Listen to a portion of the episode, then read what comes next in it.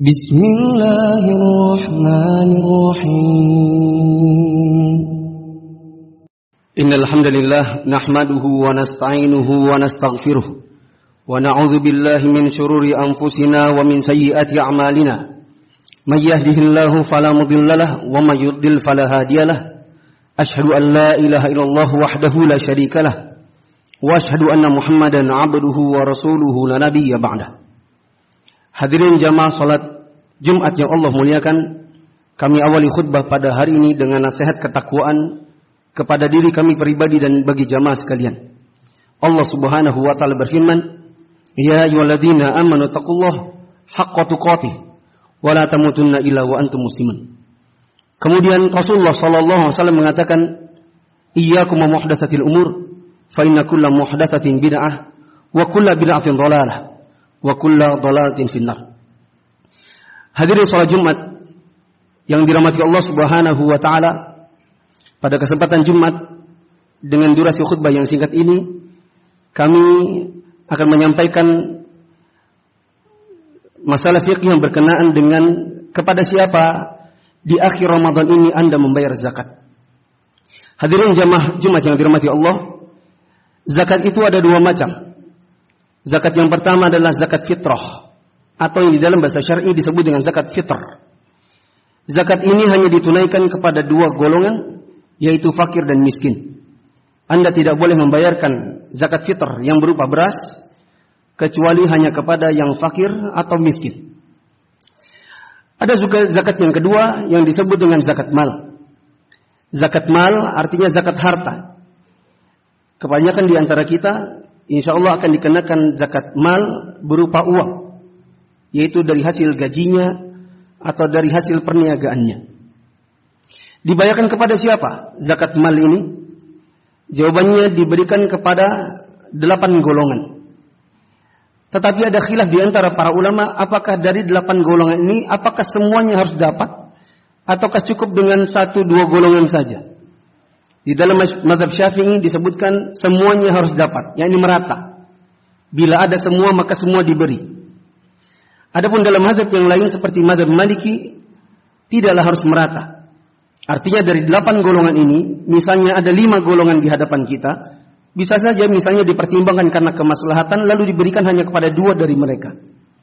Dan pendapat yang, di, yang dipegangi oleh jumhur ulama, mayoritas para ulama adalah pendapat yang kedua bahwa tidak harus diberikan kepada semua golongan meskipun semua golongan ini ada di hadapan kita. Delapan golongan itu adalah yang pertama fakir. Fakir itu artinya orang yang dia memiliki satu total kebutuhan, setengahnya pun nggak bisa dicukupi dengan pendapatannya. Misal seorang laki-laki memiliki istri dan lima anak, tinggal di Balikpapan dengan kebutuhan total misalnya per bulan anggaplah 2 juta untuk kontrak, untuk air, makan, listrik dan lain-lain. Mereka berdua bekerja, tetapi pendapatannya setengah satu juta, satu juta pun tidak ada. Saya katakan tadi setengahnya, dua juta setengahnya adalah sejuta. Pendapatan suami istri ini satu juta pun tak cukup. Maka ini disebut dengan fakir. Golongan yang kedua adalah miskin. Miskin itu artinya orang yang pendapatannya secara secara total tidak mencukupi untuk seluruhnya, tapi setengahnya ada. Misal si kebutuhannya dalam satu bulan adalah 2 juta. Setengahnya adalah satu juta.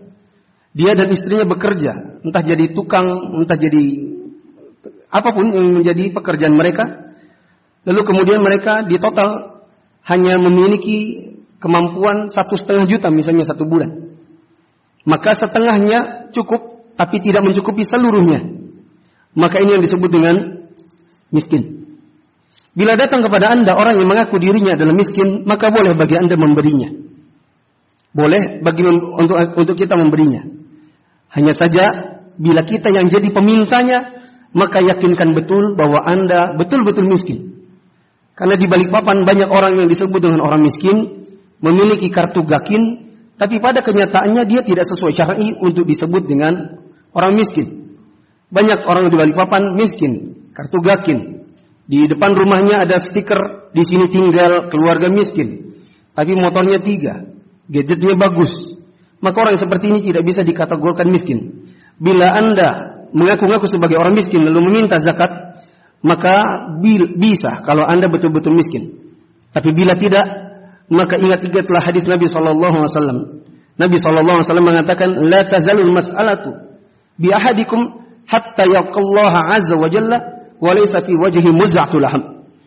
Nabi sallallahu alaihi wasallam mengatakan, senantiasa di antara kalian meminta-minta padahal dia tidaklah pantas untuk meminta-minta melainkan nanti di hari kiamat dia bertemu dengan Allah dalam keadaan wajahnya tidak memiliki sekerat daging pun. Bila seandainya ada di antara manusia, dia mengatakan dirinya miskin. Kita lihat memang kelihatannya tampilannya miskin, tetapi badannya kuat bekerja, maka boleh diberi tetapi dengan ujangan. Sebagaimana Nabi SAW pernah didatangi dua orang. Dua-duanya ini kelihatan badannya masih bisa bekerja. Tapi nampaknya miskin. Dan mereka mengaku miskin. Maka Nabi SAW mengatakan kepada mereka, In syu'tuma a'taitukuma. Walakin la hadza fiha li ghanin wa muktasibin. Nabi mengatakan kalau kalian berdua mau kuberi, aku beri. Kalau kalian minta, silakan. Nanti kita kasih zakatnya. Akan tetapi perlu diketahui bahwa tidak ada bagian zakat bagi orang yang sebenarnya masih mampu bekerja. Kalau ada yang datang demikian, beri tentunya dengan wajangan agar mereka tidak mengharapkan dari zakat, melainkan dengan bekerja. Kemudian pembantu di rumah, bisakah diberi? Jawabannya bila dia kategorinya miskin, maka boleh. Dan saya sudah sebutkan miskin itu pendapatannya cukup setengah kebutuhan, tapi tidak mencukupi seluruhnya. Bolehkah diberi kepada keluarga yang dekat? Misalnya saudara kandung, tapi dia miskin. Jawabannya diberikan kepada keluarga itu boleh. Dengan syarat keluarga yang kita beri zakat bukanlah orang yang kita tanggung nafkahnya. Bila kita tanggung nafkahnya maka dia tidak diberi zakat melainkan diberi nafkah. Contoh, kita memiliki orang tua yang sudah pensiun, tidak memiliki pendapatan. Kita beri mereka zakat, ini tidak boleh. Dikarenakan orang tua yang sudah pensiun dan miskin itu diwajibkan untuk ditanggung nafkahnya oleh anaknya, bukan diberi zakat. Begitu juga manakala orang tua memiliki anak yang miskin, maka orang tua memberi nafkah kepada anaknya, bukan diberi zakat. Seorang suami yang kaya tidak tidak boleh memberikan zakat kepada istrinya yang miskin karena istri tanggungan nafkahnya. Tetapi bila istri yang kaya memiliki suami yang miskin, maka ini boleh untuk diberi zakatnya. Misalnya mereka tinggal tapi terpisah. Lalu istrinya mengirimkan zakatnya kepada suaminya yang miskin, boleh. Begitu juga saudara kandung. Bila saudara kandung ini tidak memiliki penanggung nafkah, maka boleh diberi. Misalnya kita memiliki saudara kandung laki-laki sudah menikah dan dia satu keluarga tidak memiliki kemampuan atau termasuk dikategorikan miskin maka kita sebagai saudara kandungnya boleh memberikan mereka zakat kita. Yang ketiga adalah amil. Amil itu adalah orang yang ditunjuk oleh pemerintah secara resmi atau orang yang swasta lalu mengajukan izin lalu diberi izin oleh pemerintah. Dalam rangka sepanjang tahunnya kegiatan mereka adalah mendata lalu mengumpulkan zakat dan menyalurkannya.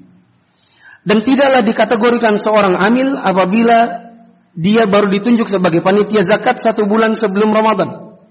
Di mana di luar Ramadan dia memiliki pekerjaan yang lain. Misal pegawai, swasta atau PNS. Sepanjang tahun pekerjaannya itu. Kemudian dia tinggal di sebuah masjid, di dekat sebuah masjid. Kemudian ada kepanitiaan Ramadan. Ada seksi atau divisi zakatnya. Dia ditunjuk sebagai seorang ketua maka orang seperti ini bukanlah seorang amin. Karena amin itu sepanjang tahun pekerjaannya adalah soal zakat.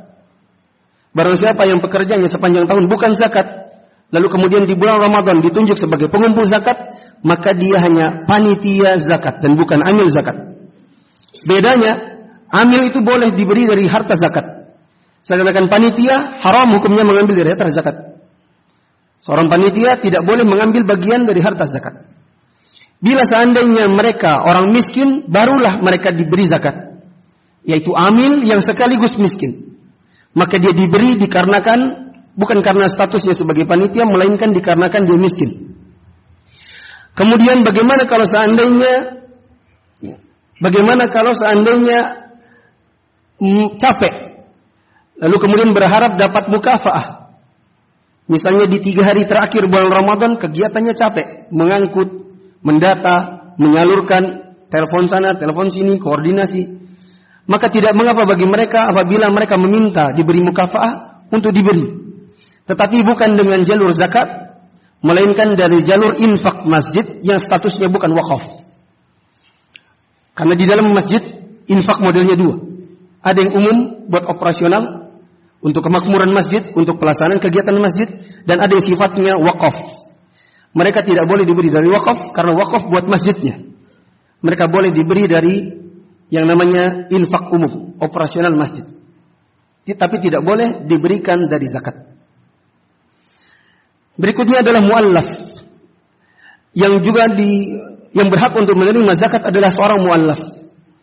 Orang awam secara umum bila ditanya apa itu muallaf, maka jawaban mereka secara umum biasanya mengatakan orang yang baru masuk Islam. Tetapi ini salah. Ini bukan definisi, tapi memberi contoh.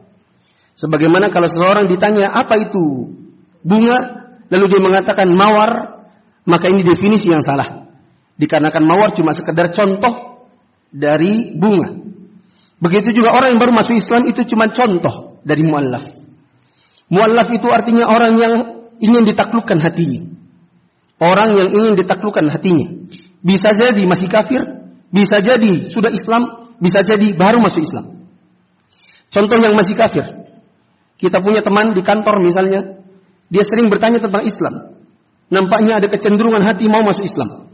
Kita beri dia zakat supaya dia masuk Islam. Maka ini boleh. Sebagaimana sahabat Nabi Sofwan bin Umayyah, dia mengatakan dahulu tidak ada manusia yang lebih kubenci dari yang namanya Muhammad. Dialah manusia yang paling kubenci. Tapi dia sering memberi aku, memberi aku, memberi aku. Ya ini dari zakat. Saking seringnya dia memberi, akhirnya takluk juga hatiku. Dan setelah aku masuk Islam tidak ada orang yang lebih kucintai daripada dia si Muhammad. Contoh yang lain adalah yang baru masuk Islam. Tapi yang namanya baru masuk Islam itu ada dua. Ada orang baru masuk Islam dan masih goyah. Maka dia boleh diberi zakat. Misalnya ada orang masuk Islam, perempuan, masih muda, kemudian orang tuanya tidak suka, orang tuanya mengatakan kembali kau ke Nasrani, bila tidak dicoret dari kakak, dan jangan pernah kembali ke rumah ini, jangan harapkan minta uang dari sini lagi. Lalu dia goyah, dia takut. Maka diberi kepadanya zakat boleh. Dikarenakan hatinya yang goyah.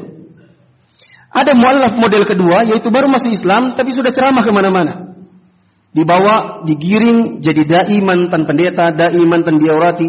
Ke sana kemari, diarak masjid ke masjid untuk berceramah. Maka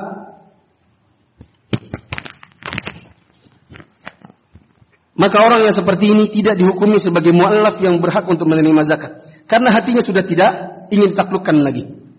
Karena orang sudah ceramah berarti sudah kuat.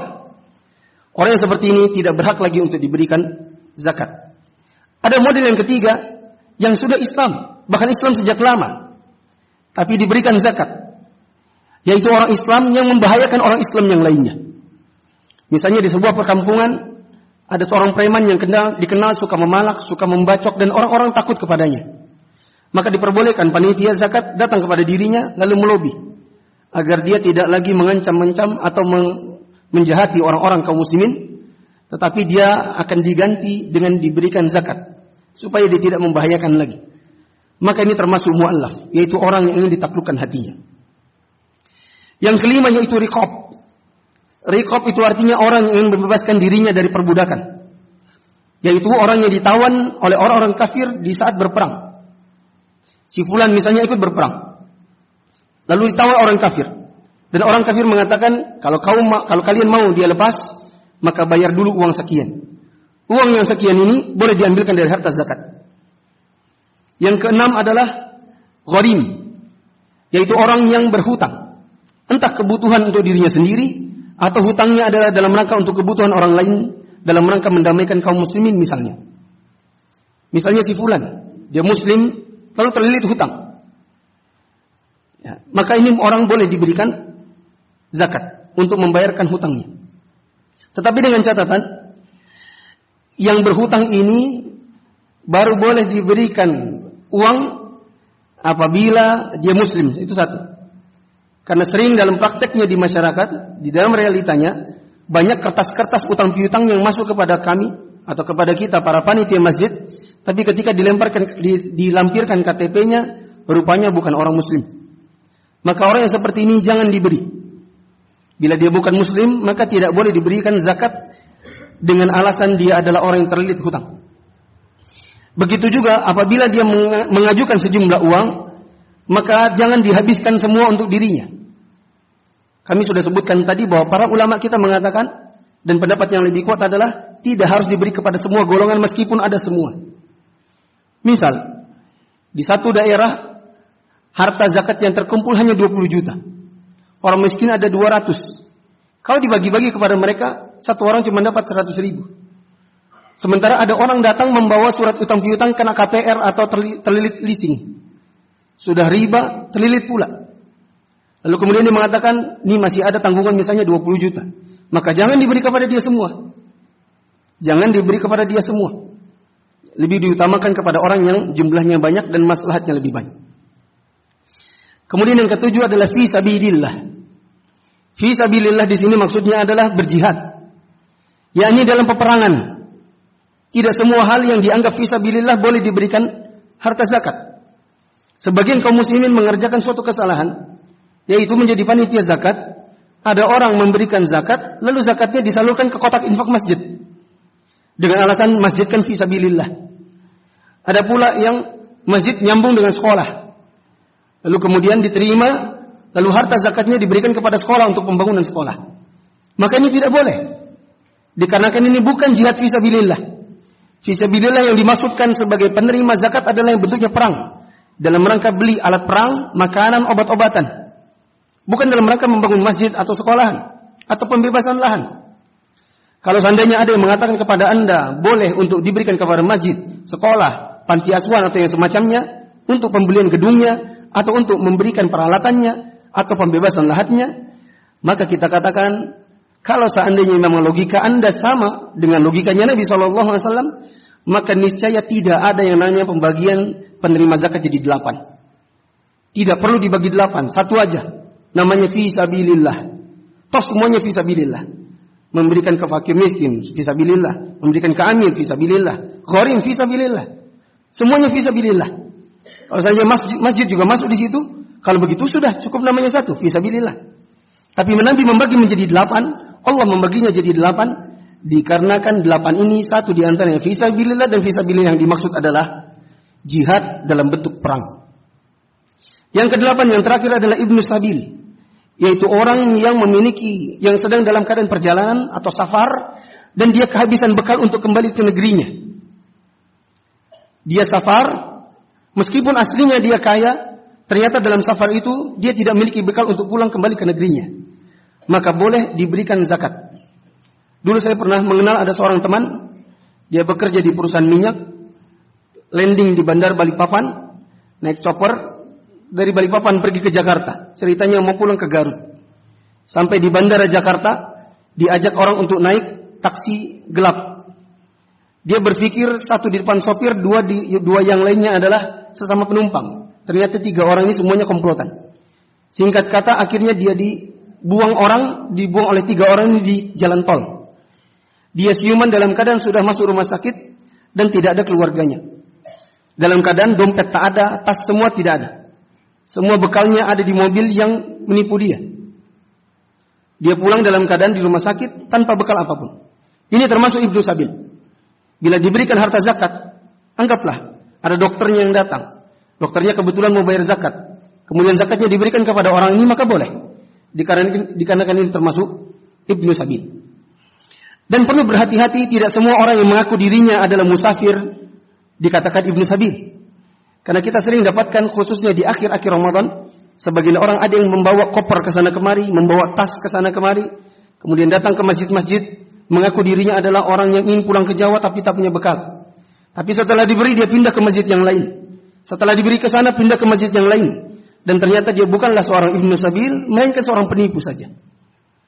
Wallahu a'lam bisawab. Aqulu qouli hadza wastaghfirullah li wa lakum wa li mu'minin innahu huwal ghafurur rahim.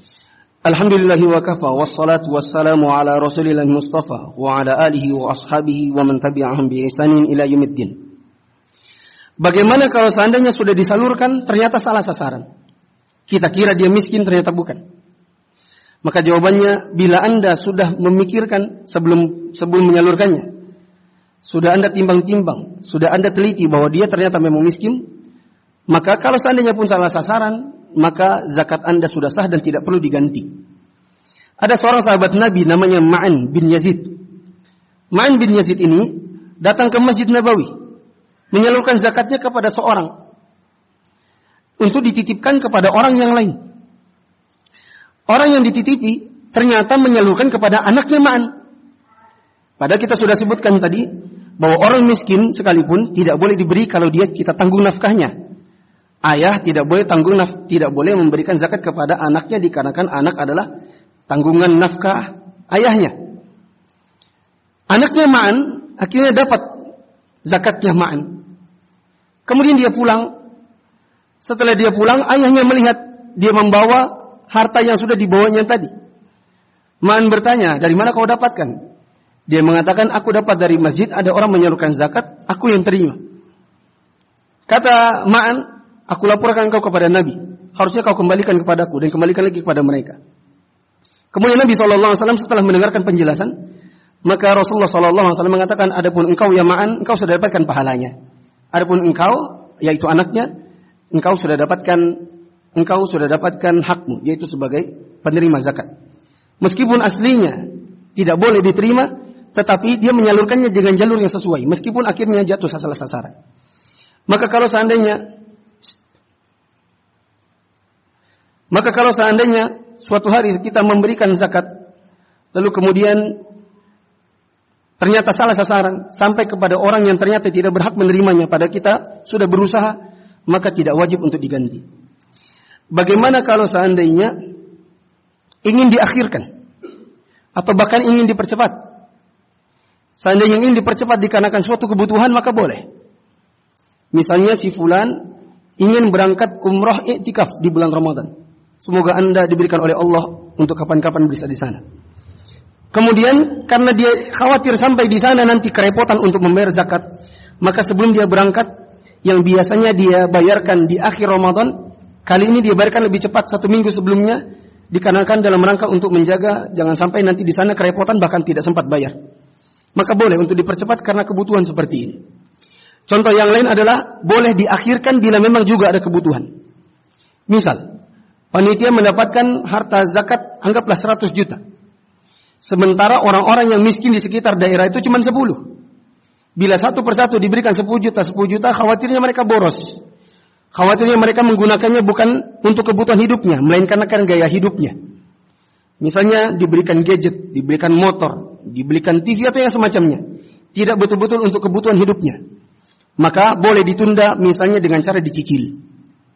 Misalnya 10 juta ini dibagikan kepada mereka tetapi dicicil. 2 juta dulu. Sudah lewat sekian, 2 juta lagi. Lewat satu bulan, 2 juta lagi. Supaya mereka betul-betul bisa memanage keuangan dari harta zakat yang mereka terima. Wallahu a'lam bishawab. Sebenarnya masalah zakat sangat panjang dan banyak bahkan bisa dibuat jam jadi daurah dua setengah jam. Tetapi inilah yang dapat kami manfaatkan waktu di dalam khutbah Jumat yang kurang lebih 20 menit ini dalam rangka untuk memberikan pencerahan kepada jamaah supaya nanti bisa mengetahui ke mana harus bayar zakatnya agar tidak salah-salah dalam pembayaran zakatnya. Satu yang terakhir, apakah boleh zakat fitrah dibayarkan dengan beras? Maaf, dibayarkan dengan uang? Jawabannya tidak boleh. Pendapat yang benar tidak bisa dijalur disalurkan zakat fitrah atau zakat fitr dengan menggunakan yang selain makanan pokok. Hanya dibayarkan kepada kaum fakir miskin dengan bentuk makanan pokok.